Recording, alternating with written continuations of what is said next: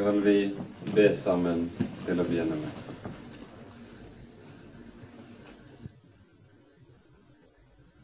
Ja, kjære Herre Jesus, takk for at du kom for å være vår frelsesklippe. At alle dem som står på deg, ikke skal rokkes i evighet.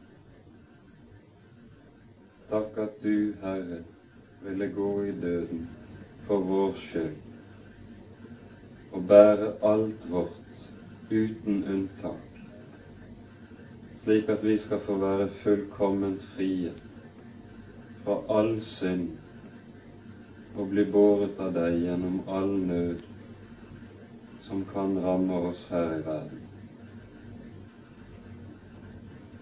Herre, nå ber vi deg at du vil komme og være til stede her slik du har lovet. At du vil lukke opp dine ord for våre hjerter, slik at vi kan få se deg og feste øynene slik på deg at vi kan få ha hjelp av det til liv. Herre, du vet alt hva vi strever med og plages med, hver enkelt av oss. Du vet hva vi trenger til. Takk at du er den som er hjelpeløses hjelper. Amen.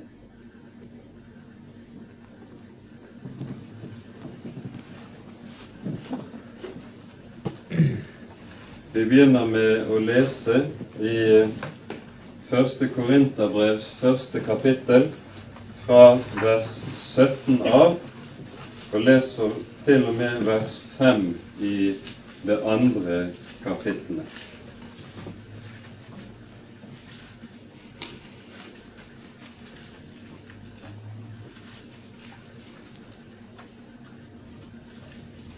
Kristus har ikke utsendt meg for å døpe, men for å forkynne evangeliet, ikke med vise ord, for at Kristi kors ikke skulle tape sin kraft. For ordet om korset er vel en dårskap for dem som går fortapt, men for oss som blir frelst, er det en Guds kraft.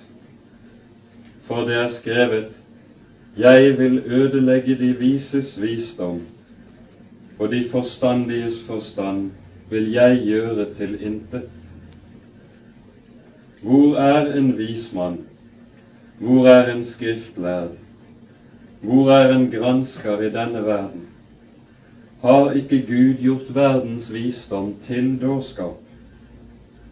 For ettersom verden ikke ved sin visdom kjente Gud i Guds visdom, var det Guds vilje ved forkynnelsens dårskap å frelse dem som tror, ettersom både jøder krever tegn og grekere søker visdom. Men vi forkynner Kristus korsfestet, for jøder et anstøt og for hedninger en dårskap men for dem som er kalt, både jøder og grekere, forkynner vi Kristus, Guds kraft og Guds visdom. For Guds dårskap er visere enn menneskene, og Guds svakhet er sterkere enn menneskene. For legg merke til deres kallbrødre, at ikke mange vise etter kjødet ble kalt, ikke mange mektige, ikke mange høybårne. Men det som er dårlig i verden, det utvalgte Gud seg for å gjøre de vise til skamme. Det som er svakt i verden, det utvalgte Gud seg for å gjøre de sterke til skamme. Og det som er lavt i verden, det som er ringeaktet, det utvalgte Gud seg, det som ingenting er, for å gjøre til intet det som er noe, for at intet kjød skal rose seg av Gud,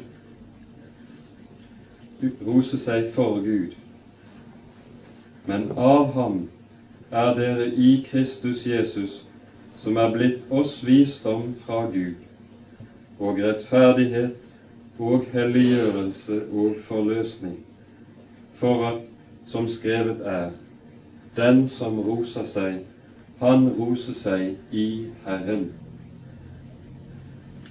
Og jeg, da jeg kom til dere brødre, kom jeg ikke med mesterskap i tale eller i visdom, og forkynte dere Guds vitnesbyrd. For jeg ville ikke vite noe iblant dere uten Jesus Kristus og ham korsfestet. Og jeg var hos dere i skrøpelighet og i frykt og i megen beven. Og min tale og min forkynnelse var ikke med visdoms overtalende ord, men med ånds- og kraftsbevis, for at deres tro ikke skulle være grunnet på menneskers visdom, men på Guds kraft.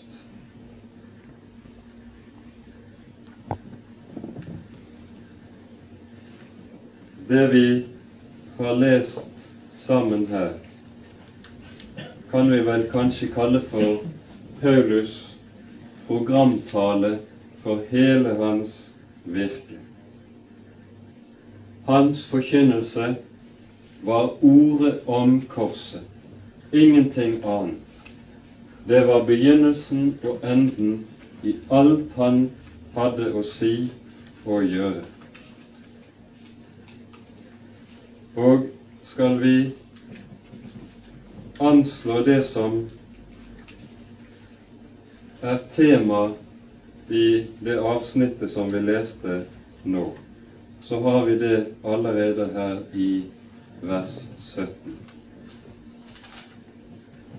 Dersom evangeliet, dette ord om korset, ble forkynt på en slik måte at, eller i en slik form at det går menneskers behov, religiøse behov, i møte, da taper evangeliet sin kraft. Og så tegner Paulus for oss en motsetning som er så skarp at vi nesten har ondt for å ta imot og gripe det. Motsetningen mellom denne verdens visdom og Guds visdom. Og vi kan godt bruke ordene i Isaias 55, som vi kjenner godt, som en sammenfatning av det som står her. Mine tanker er ikke deres tanker, sier Herren, og mine veier er ikke deres veier. For som himmelen er høyere enn jorden, således er mine veier høyere enn deres veier, og mine tanker høyere enn deres tanker. Det er altså, ifølge det vi har lest sammen nå, ikke slik at verdens visdom kan hjelpe mennesker et stykke på vei, slik at de kan det kan bli lettere for dem å forstå eller å gripe eller å tro evangeliet. Slik at om vi gir forkynnelsen en slik form at den blir lettere å akseptere, at dermed skulle det også bli lettere å tro i Guds forstand av ordet. Det som i tilfelle ville skje da, var nettopp at evangeliet ville tape sin kraft, og den tro som eventuelt ble resultatet, det ble en tro som var grunnet på menneskers visdom og ikke på Guds kraft, slik Paulus sa i det siste verset som vi leste. Her kan vi godt trekke en parallell som er meget nyttig til Johannesevangeliets åttende kapittel, hvor Jesus sier i vers 31 og utover at dersom dere blir i mine ord, da er dere i sannhet mine disipler, og dere skal kjenne sannheten, og sannheten skal frigjøre dere. Og så svarer disse som han taler til, vi er Abrahams barn og har aldri vært noens treller. Hvordan kan du da si at vi skal bli frie? Altså, dette er sagt til en gruppe jøder som var kommet til tro på Jesus, men som forsto Jesus og hans budskap så å si på egne premisser. Og når han så begynner å avsløre hva som er grunnen i denne deres tro på ham, at det var sann grunn, så sier de vi har aldri vært noens treller. Hvordan kan du si at vi skal bli frie? Vi er jo det allerede. Og så settes det til slutt så skarpt på spissen at Jesus sier til disse som var kommet til tro på ham, dere er djevelens barn og gjør deres fars gjerninger. Hvorfor forstår dere ikke det jeg sier? Jo, fordi dere ikke tåler å høre mine ord. Det er forferdelig sterk tale. Men slik sier Jesus det nettopp for å avsløre noe som er sannheten om oss i møte med Hans evangelium. Og han gjør det ikke for å sette en ting på spissen. Det er slik det faktisk forholder seg.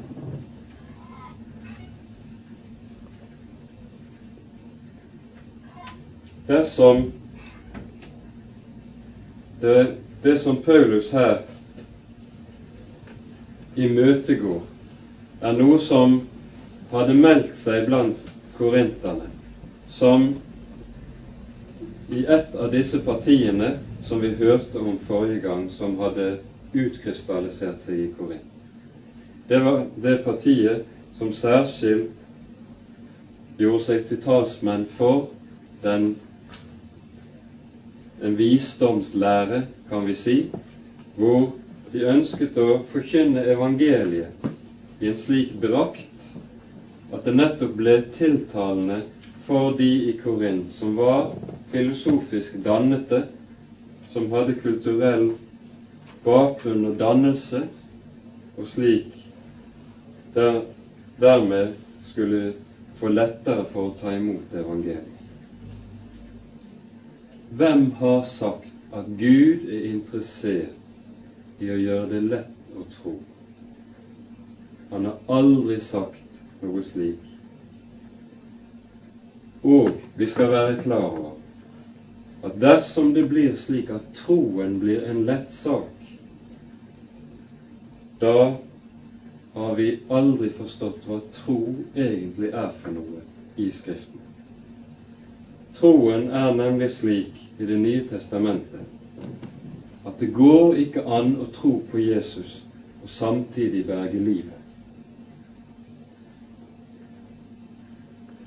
Derfor sier Jesus helt klart at den som vil følge etter ham, han må ta sitt kors opp og fornekte seg selv. Samme saken er det som går igjen her. Guds visdom og verdens visdom er som ild og vann som ikke kan forenes. Slik er det fra den dag av da det var to som åt av kunnskapens tre. Fra den dag av har mennesket vært slik at Gud er oss mennesker totalt fremmed og ukjent. Og når vi møter ham, så kjenner vi ham ikke igjen. Han kommer nemlig alltid slik at han går stikk imot det vi forventer og ønsker at han skulle være. Fra syndefallets dag av, hvor kunnskapets tre ble en del av vårt kjøtt og blod, har vi hatt som vårt grunnbehov å skape Gud i vårt bilde. Og når Han som er Herre, ikke vil være med på den dansen, men kommer stikk imot det som vi ønsker, vil og forventer, så kjenner vi ham ikke igjen.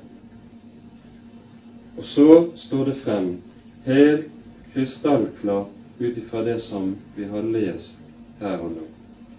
I oss mennesker finnes det ingen forutsetning verken for å forstå eller for å gripe evangeliet om Hans rike.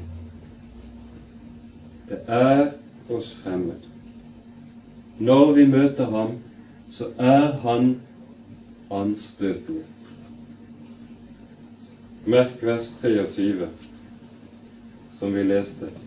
Vi forkynner Kristus korsfestet, for jøder et anstøt og for hedninger en dårskap. Vi hører jo det av og til sagt slik at det må ha vært lettere for dem den gangen som møtte Jesus, som møtte apostlene og hørte deres budskap i ånd og kraft, det må ha vært så meget lettere for dem å tro enn for oss. Jeg tror det stikk motsatte er tilfellet.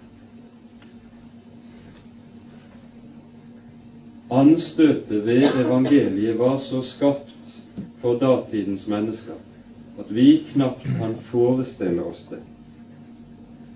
Og da vel å merke et anstøt som var anstøt i ordets egentlige forstand. For oss betyr ordet anstøt noe som ja, vi støtes av eller forrages en smule over. I Bibelen så betyr anstøt det som bringer et menneske til fall, slik at det går fortapt. Ordet, Det greske ordet som brukes, er skandalon. Vi har det i vårt ord skandale. Og det er et ord som egentlig anvendes om den lille tappen i en fuglefelle eller en dyrefelle som når dyret rører ved det, så utløses fellen, og det er fanget. Det er skandal, skandalen eller skandalen. Og slik virker evangeliet til anstøt for det naturlige mennesket. Derfor sies det allerede ved Jesu fødsel, når han bæres frem i tempelet av gamle Simeon. Denne er satt til fall og oppreisning for mange. Paulus visste utmerket godt hva korsets anstøt, evangeliets anstøt, var. Av egen erfaring kunne han se tilbake på sitt liv og se hvordan han hadde rast mot den korsfestede Herre. For for jødene var det slik at en korsfestet Messias var ensbetydende med en falsk Messias. Det var anstøtet for jødene. Og det var sannelig ikke et anstøt som var lett å overvinne.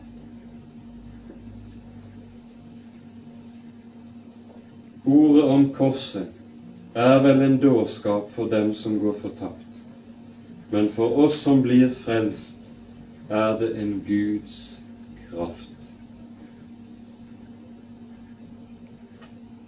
På bakgrunn av det som vi har lest sammen her, fra vers 17 til vers 25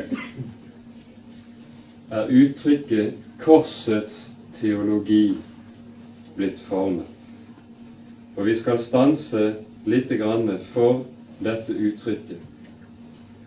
Hva er korsets teologi? Det første vi skal være klar over, er at dette uttrykket står der i bevisst motsetning til et annet uttrykk som kalles for herlighetens teologi. Vi skal se litt på et skriftsted der, vi, der dette er hentet. Vi ser på Andre Moseboks 33. kapittel.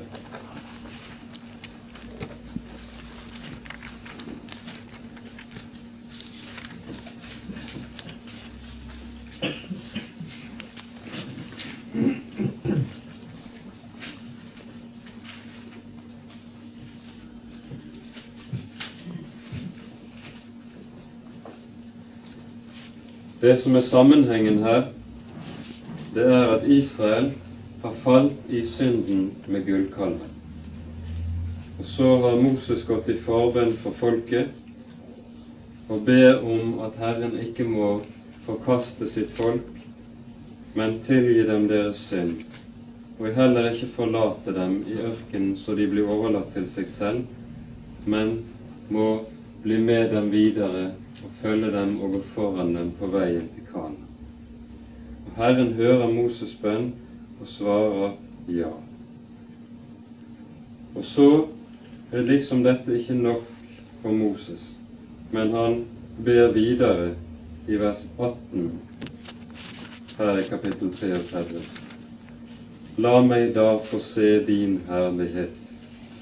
Og så svarer Herren Moses, Jeg vil la all min godhet gå forbi ditt åsyn jeg vil rope ut Herrens navn for ditt åsyn, og jeg vil være nådig mot den som jeg er nådig mot, og miskunne meg over den som jeg miskunner meg over. Og han fortsatte å si, du kan ikke se mitt åsyn, for intet menneske kan se meg og leve. Deretter sa Herren, se, her tett ved meg er et sted still deg der på berget. Og når min herlighet går forbi, da vil jeg la deg stå i fjellkløften, og jeg vil dekke med min hånd over deg til jeg er gått forbi. Så vil jeg ta min hånd bort. Da kan du se meg bakfra, men mitt åsyn kan ingen se. Dette er en underlig måte å tale på. Gud sier altså uttrykkelig at intet menneske kan se Hans åsyn og leve. Dette ligger i den motsetningen som det er mellom Gud og mennesket etter syndefallet.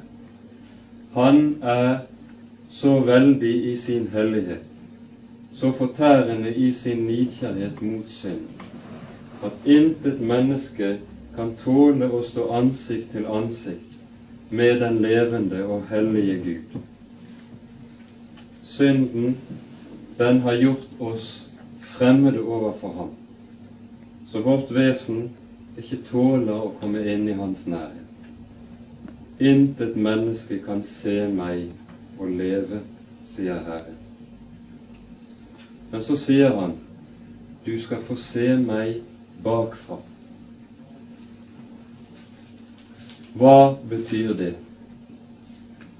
Det betyr at vi så å si, når vi skal få møte Ham som er Herre, så skal vi få lov til å se Ham under Hans tilsynelatende motsetning. Vi skal få møte Ham, vi skal få leve med Ham, men bakfra. Og slik er det med korset.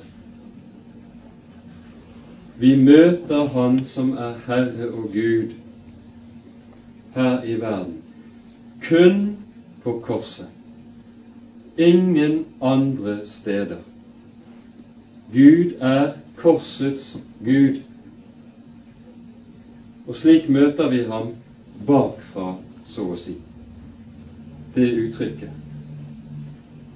Vi møter ham under sin tilsynelatende motsetning.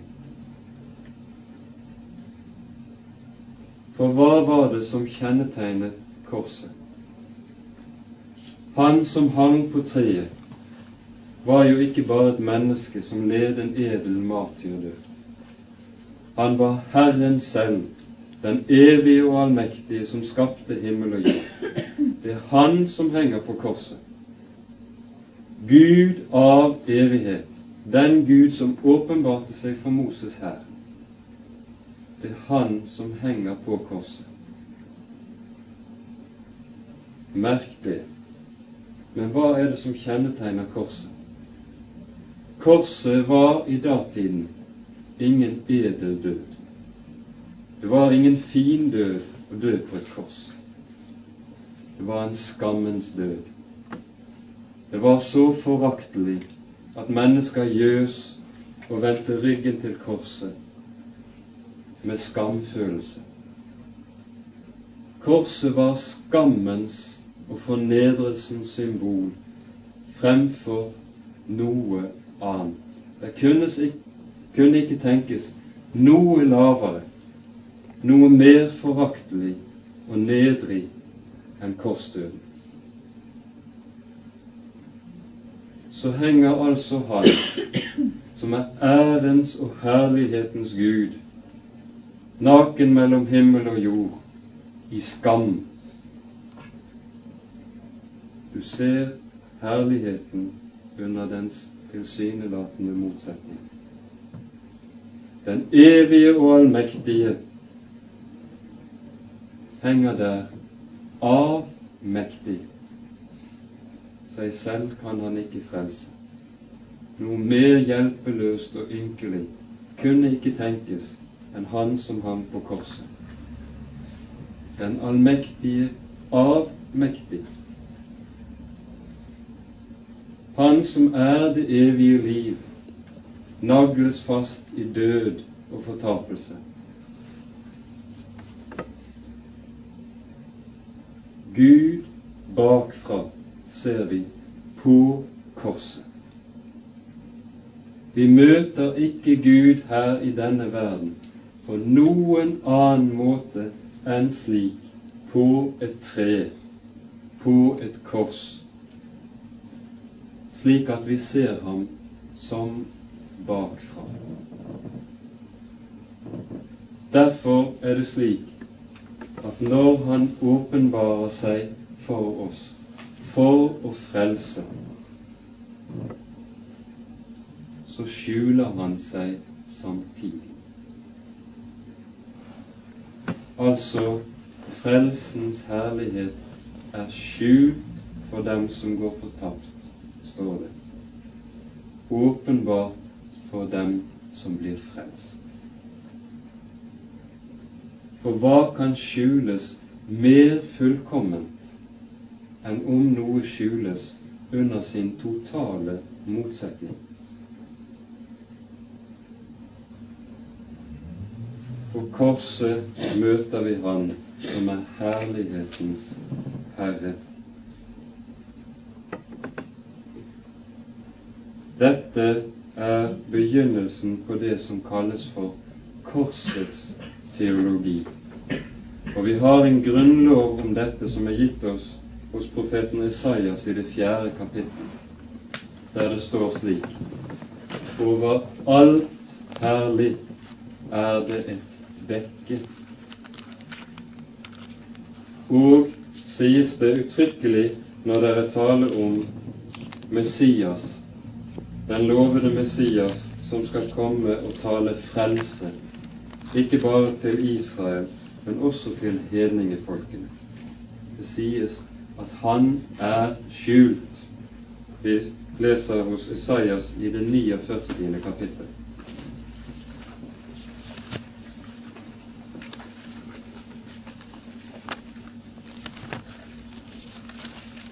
Isaias 49, 1-9 handler om den Messias som skal komme.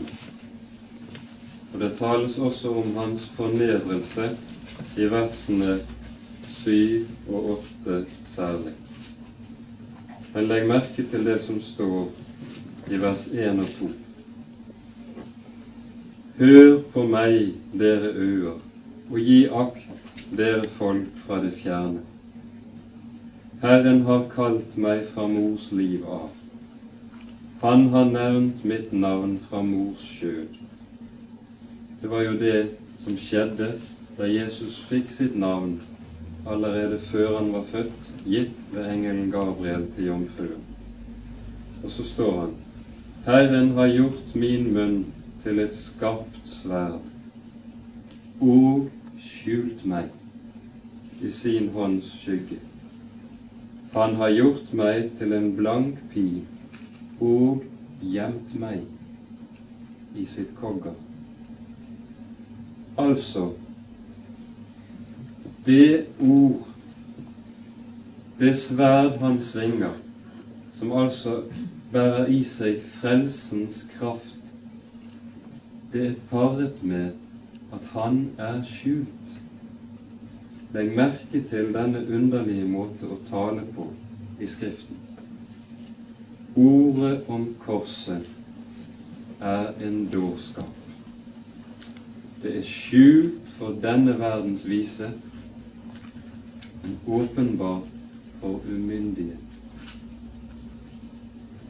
På samme måten har vi det i det store lidelseskapittelet i kapittel 53 hos Esaias, hvor det begynner med i kapittel 52 vers 13 Se, min tjener skal gå frem med visdom.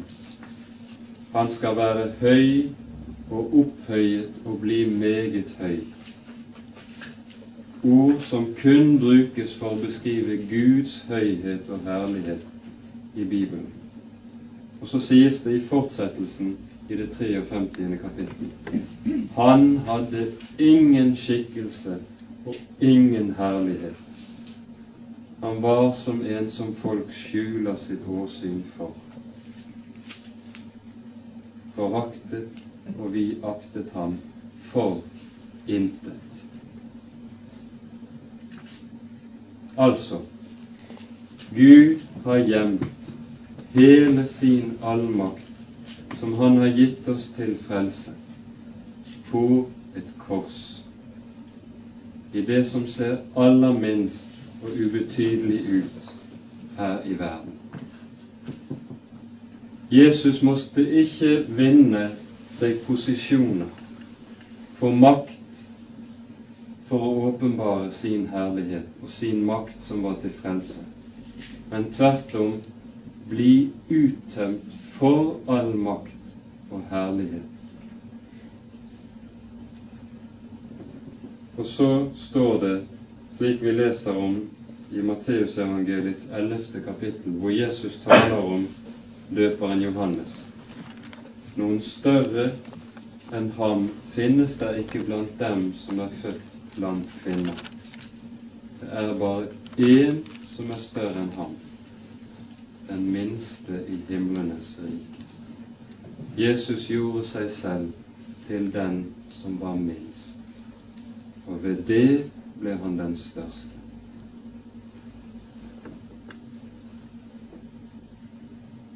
Dette er Guds måte å frelse på.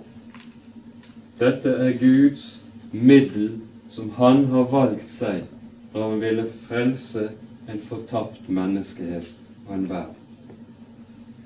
Og hele frelsens kraft for alle verdens mennesker ligger gjemt i dette kors og finnes ingen andre steder. Derfor sier, sier Paulus i Romane 1, 16 og 17 at evangeliet er Guds kraft til frelse. Denne kraften til frelse den finnes ingen andre steder enn ved ordet om ham og om dette kors. Usminket, upyntet, med noen som helst slags menneskelig herlighet. Og nettopp der er det det går imot det som var menneskenes visdom. Jødene tenkte jo som så at når Messias kom, så skulle det være med kraft og herlighet. Ytre herlighet, slik at det viste seg at Gud var med ham på den måten at han fikk medgang, fikk makt, fikk oppslutning, og ikke slik som det gikk, ble naglet til et kors. For jødene var den korsfestede Messias en falsk Messias og anstøtelig.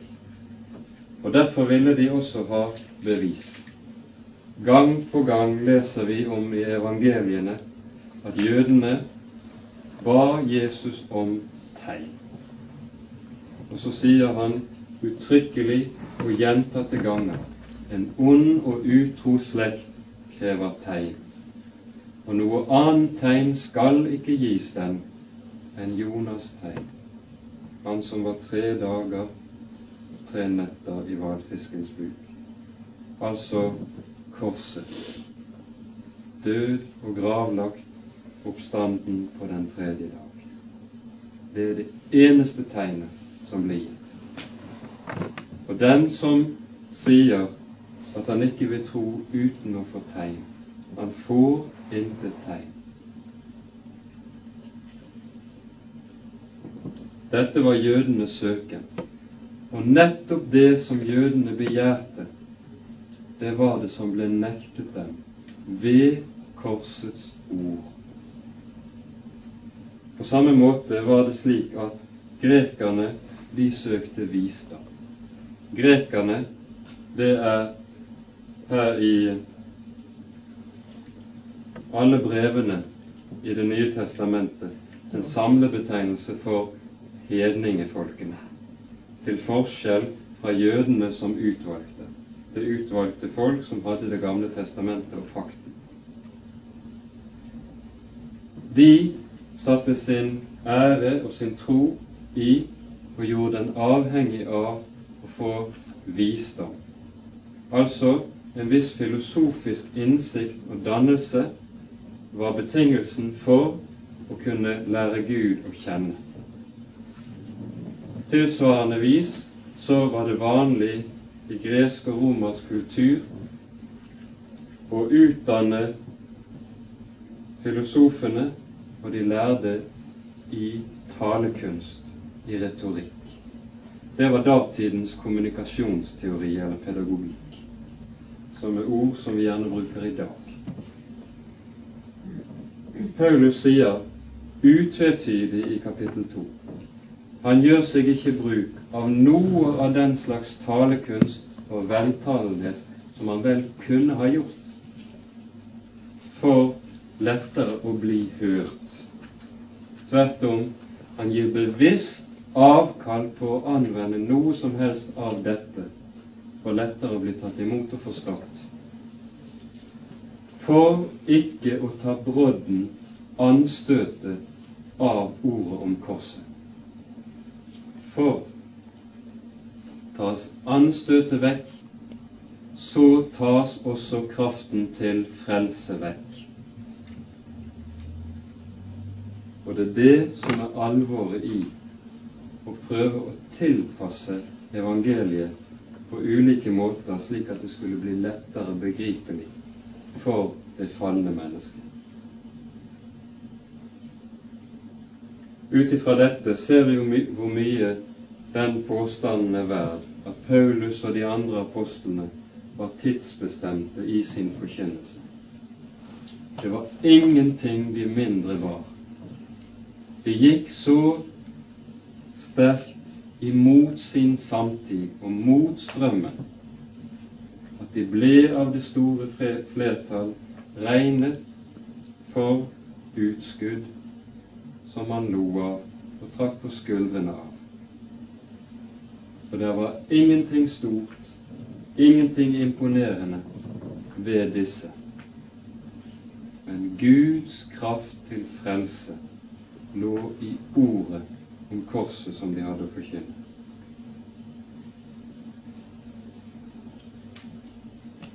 Dersom man skulle prøve å pynte på dette ord, på korset,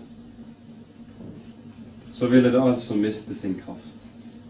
Og det er det som kalles for herlighetens teologi.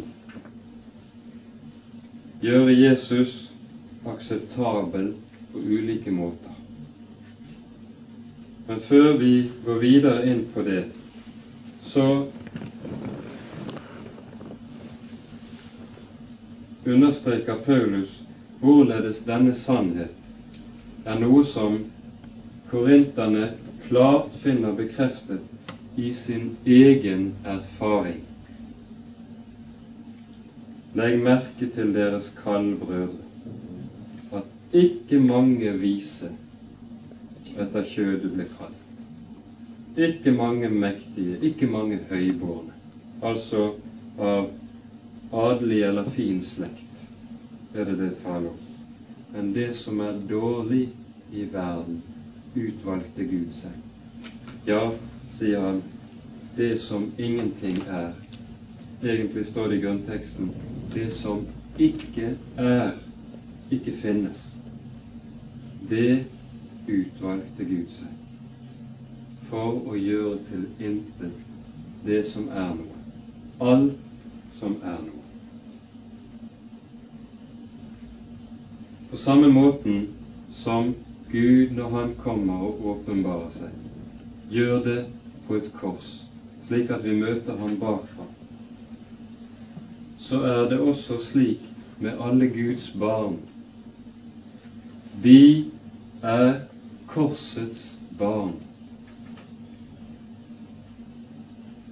Der evangeliet kommer, der fører det sin egen fattigdom med seg sier Luther et sted. Og det er nettopp det som skjer her. Når han kommer, så diskvalifiserer han alt stort som er av mennesker, slik at det ikke blir noe i oss eller av oss som han kan bygge på. Han bygger bokstavelig talt på intet når han kommer. Så kommer han til det som er lite, det som er smått og regnet for ubetydelig i verden. Og her møter vi det som er grunnsannheten når det gjelder korsets teologi, inn i Guds barns liv. Vi tenker som så at skal det vise seg at Gud er med oss, så må vi ha medgang. Så må det vise seg at Guds velsignelse er der og ytrer seg nettopp i form av medgang på den ene eller på den andre måten. Skal, så skal Gud hjelpe til å gjøre oss sterke. Slik er det nettopp Han ikke steller med oss. Tvert om, han kommer og steller slik med oss at vi blir små og hjelpeløse, slik at vi blir nødt til å bli hjelpeløst avhengig av ham. Og så åpenbarer han seg som den som skaper av intet. Og merk vel at ordet 'intet' i vår bibel er et ord med en overmåte stor betydning.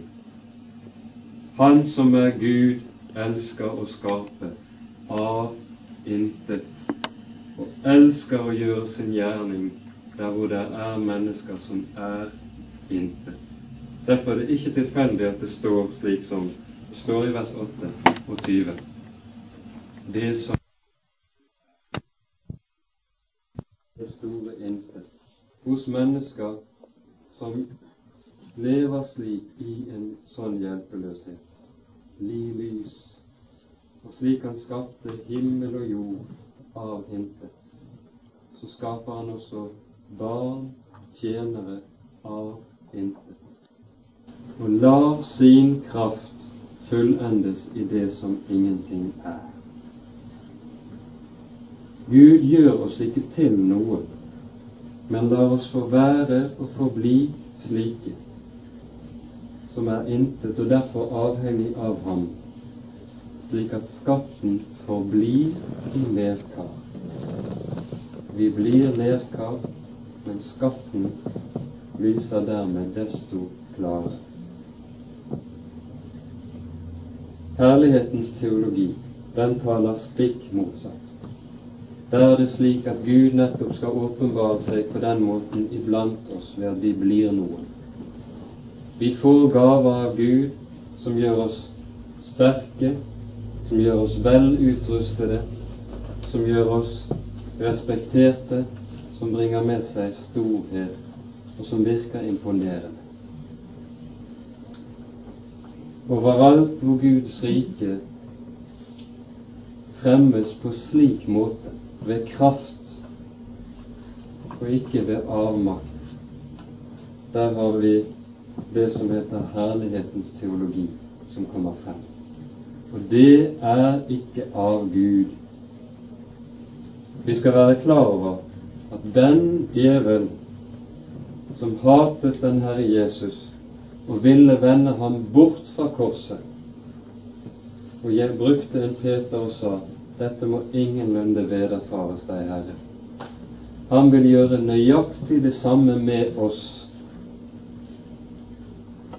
og hjelpe oss. Det gir han seg inntrykk av. Det gir han seg navn av. Hjelpe oss i Guds navn til å bli sterke. Hjelpe oss i Guds navn til medgang. Hjelpe oss i Guds navn til å slippe unna korset.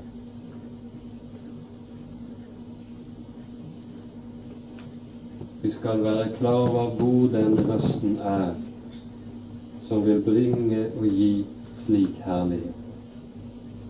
Og vi skal velsigne Gud for at Han hindrer oss i å bli sterke i oss selv. Det står i Hannas lovsang i Første Samuels boks andre kapittel. Det er oversatt i vår oversettelse slik For ikke ved egen kraft er mannen. Altså underforstått får vi bare Guds kraft, da blir vi sterke. I det ligger der en farlig misforståelse igjen, for i grunnteksten står det For ikke ved kraft er mannen sterk. Altså, Gud er ikke interessert i å hjelpe oss til å bli sterke, heller ikke ved sin kraft, men å hjelpe oss til å bli svake, så Han selv kan være vår styrke i vår svakhet, i vår hjelpeløshet. Det er jo nettopp det Han har lovet. Skape av intet det er det han gjør. Slik steller han for at intet kjød skal rose seg for Gud. For at ingen av oss skal stå der som den som kan rose seg på noe som helst måte. Men han som heter Jesus, har all æren og all rosen og all makten alene, og beholde den gjennom alt kristent liv. For at som skrevet er, den som roser seg, han roser seg i Herren. Dette som heter korsets teologi, gjaldt altså Jesus selv, og det gjelder oss i det å bli frelst og i å bli Guds barn. Og tar vi med i de fem første versene i kapittel to her i andre Korinterbrev. det gjelder også tjenesten i Guds rike. Vi hører stadig sagt nå til dags at bare vi får nok av midler, bare vi får nok av ressurser, bare vi får nok av krefter og av penger og bevilgninger av folk som er med, da skal Guds rike nå lenger. Slik er ikke sant. For han har ikke gjort seg avhengig av oss og vår innsats. Det er motsatt vei at han også når det gjelder tjenesten, kommer gjennom dem som er små og skrøpelige. Det er de han bruker. Og her har, holder Paulus seg selv frem som eksempel. Når vi tenker på Paulus, så tenker vi på ham som Åndens kjempe, som en som var stor både når det gjelder utrustning, intelligens, utdannelse og hva det ellers måtte være. Og han rager. Men vi skal vite og være klar over at Paulus var ikke stor det er Guds storhet som taler gjennom Paulus i det ord og i det budskap han forkynner. Paulus selv var liten. Han sier til galaterne i Galaterbrevets fjerde kapittel da jeg kom til dere, var det på grunn av skrøpelighet i mitt kjød. Altså ikke på grunn av at han hadde fått Guds kraft til å reise langt ut i periferien men på grunn av skrøpelighet i sitt kjød kom han frem. Og så roser han galaterne for at de ikke tok anstøt av hans litenhet. Og på tilsvarende måte er det her i Korint. Han kommer ikke som den som har det, som er sterk, men han kommer i skrøpelighet, i frykt og i megen beven, sier han. Han kommer ikke som den som imponerer de store. Tvert om, de smiler av han, trekker på skuldrene av en slik. Og det virker så smått. Ordet om korset. Det var det som gjorde sin gjerning igjennom Paulus og ved Paulus. Og fordi han var så liten, var det Gud gjorde sin gjerning med kraft igjennom ham. For overalt der Guds tjenere blir store og sterke, der blir Guds kraft unnskyld, tilsvarende liten og trengt i bakgrunnen.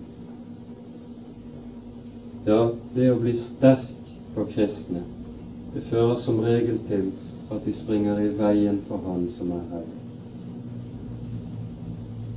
for jeg ville ikke vite av noe annet iblant dere uten Jesus Kristus og ham korsfestet. Og min tale og min forkynnelse var ikke med visdoms overtalende ord, men med ånds og krafts bevis, for at deres tro ikke skulle være grunnet på menneskers visdom, men på Guds kraft tilsvarende måte ser vi det også i Johannes' åpenbaring, i to menigheter der som godt kan settes opp som motpoler. På den ene siden menigheten i Laudikea, som sa om seg selv 'Jeg er rik og mangler ingenting'. Og så sier Han som er Herre, at denne rikdom som de trodde hadde, de hadde selv, den er lunkenhet. Og dersom de ikke omvender seg, så vil han utspy dem av sin munn. Fordi du ikke vet at du er fattig og blind og ussel og naken.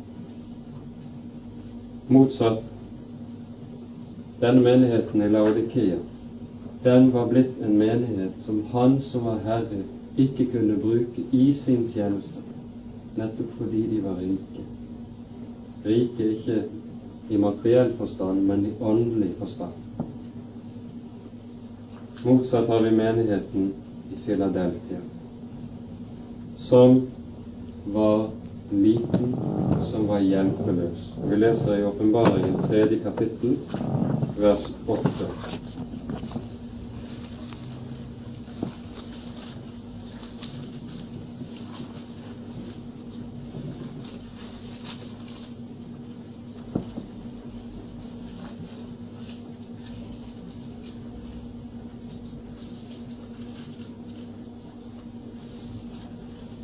Jeg vet om dine gjerninger.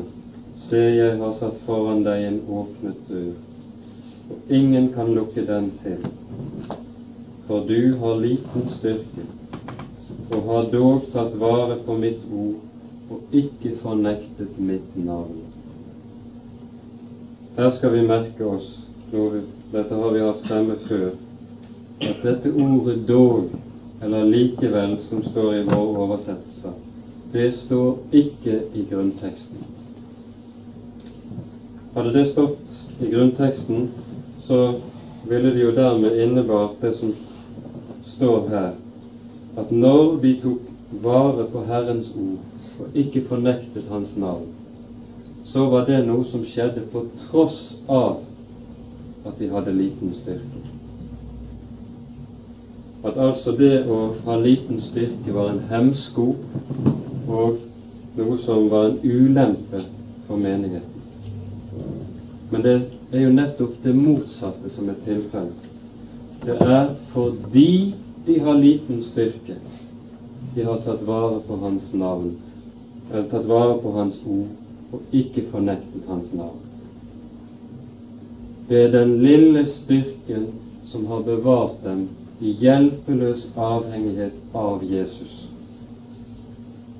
denne menighet får det, får det løftet at Han som er Herre, skal virke gjennom dem og bringe motstanderne til å falle ned på deres føtter. De som ingen styrke har, og som det intet imponerende er ved, altså. Slik går Guds vei, Guds visdom, stikk imot menneskers visdom, som nettopp tenker at man må ruste seg for å nå frem. Gud plukker oss hvis han skal nå frem. Det er hans måte å arbeide på. Derfor ser vi at jo større verk Han som er Herre, vil ha frem og gjøre, jo mindre er det redskap han velger seg ut. Det gjaldt Jesus selv, som fullbyrdet all verdens frelse, som er den største i himmelens rike, og kalles for den minste. Kaller seg selv for den minste, fordi han har gjort seg selv til den laveste. Og det gjelder i alle andre sammenhenger òg. Det å være liten gir ingen grunn til å tape frimodighet. Det å være kraftløs, det gir oss ingen årsak til å fortvile. Tvert om, det er de kraftløse, de hjelpeløse, som skal løfte hodet og vite at det er dem Han som er Herre, har utvalgt for å være deres Gud. Ved dem fortsetter han å gjøre de sterke til skamme og åpenbare sin herlighet i det lave. I det høye og det hellige troner jeg, sier Herren, Ord hos den som er søndagbrutt og søndagknust av hjerte. Jesaja 57, 15. Høyden og dybden smelter sammen i dette. Dette er Guds underlige måte å arbeide på, og vi skal ikke fort bli ferdig med å tygge på det. Amen. Der tror jeg vi slutter for i dag.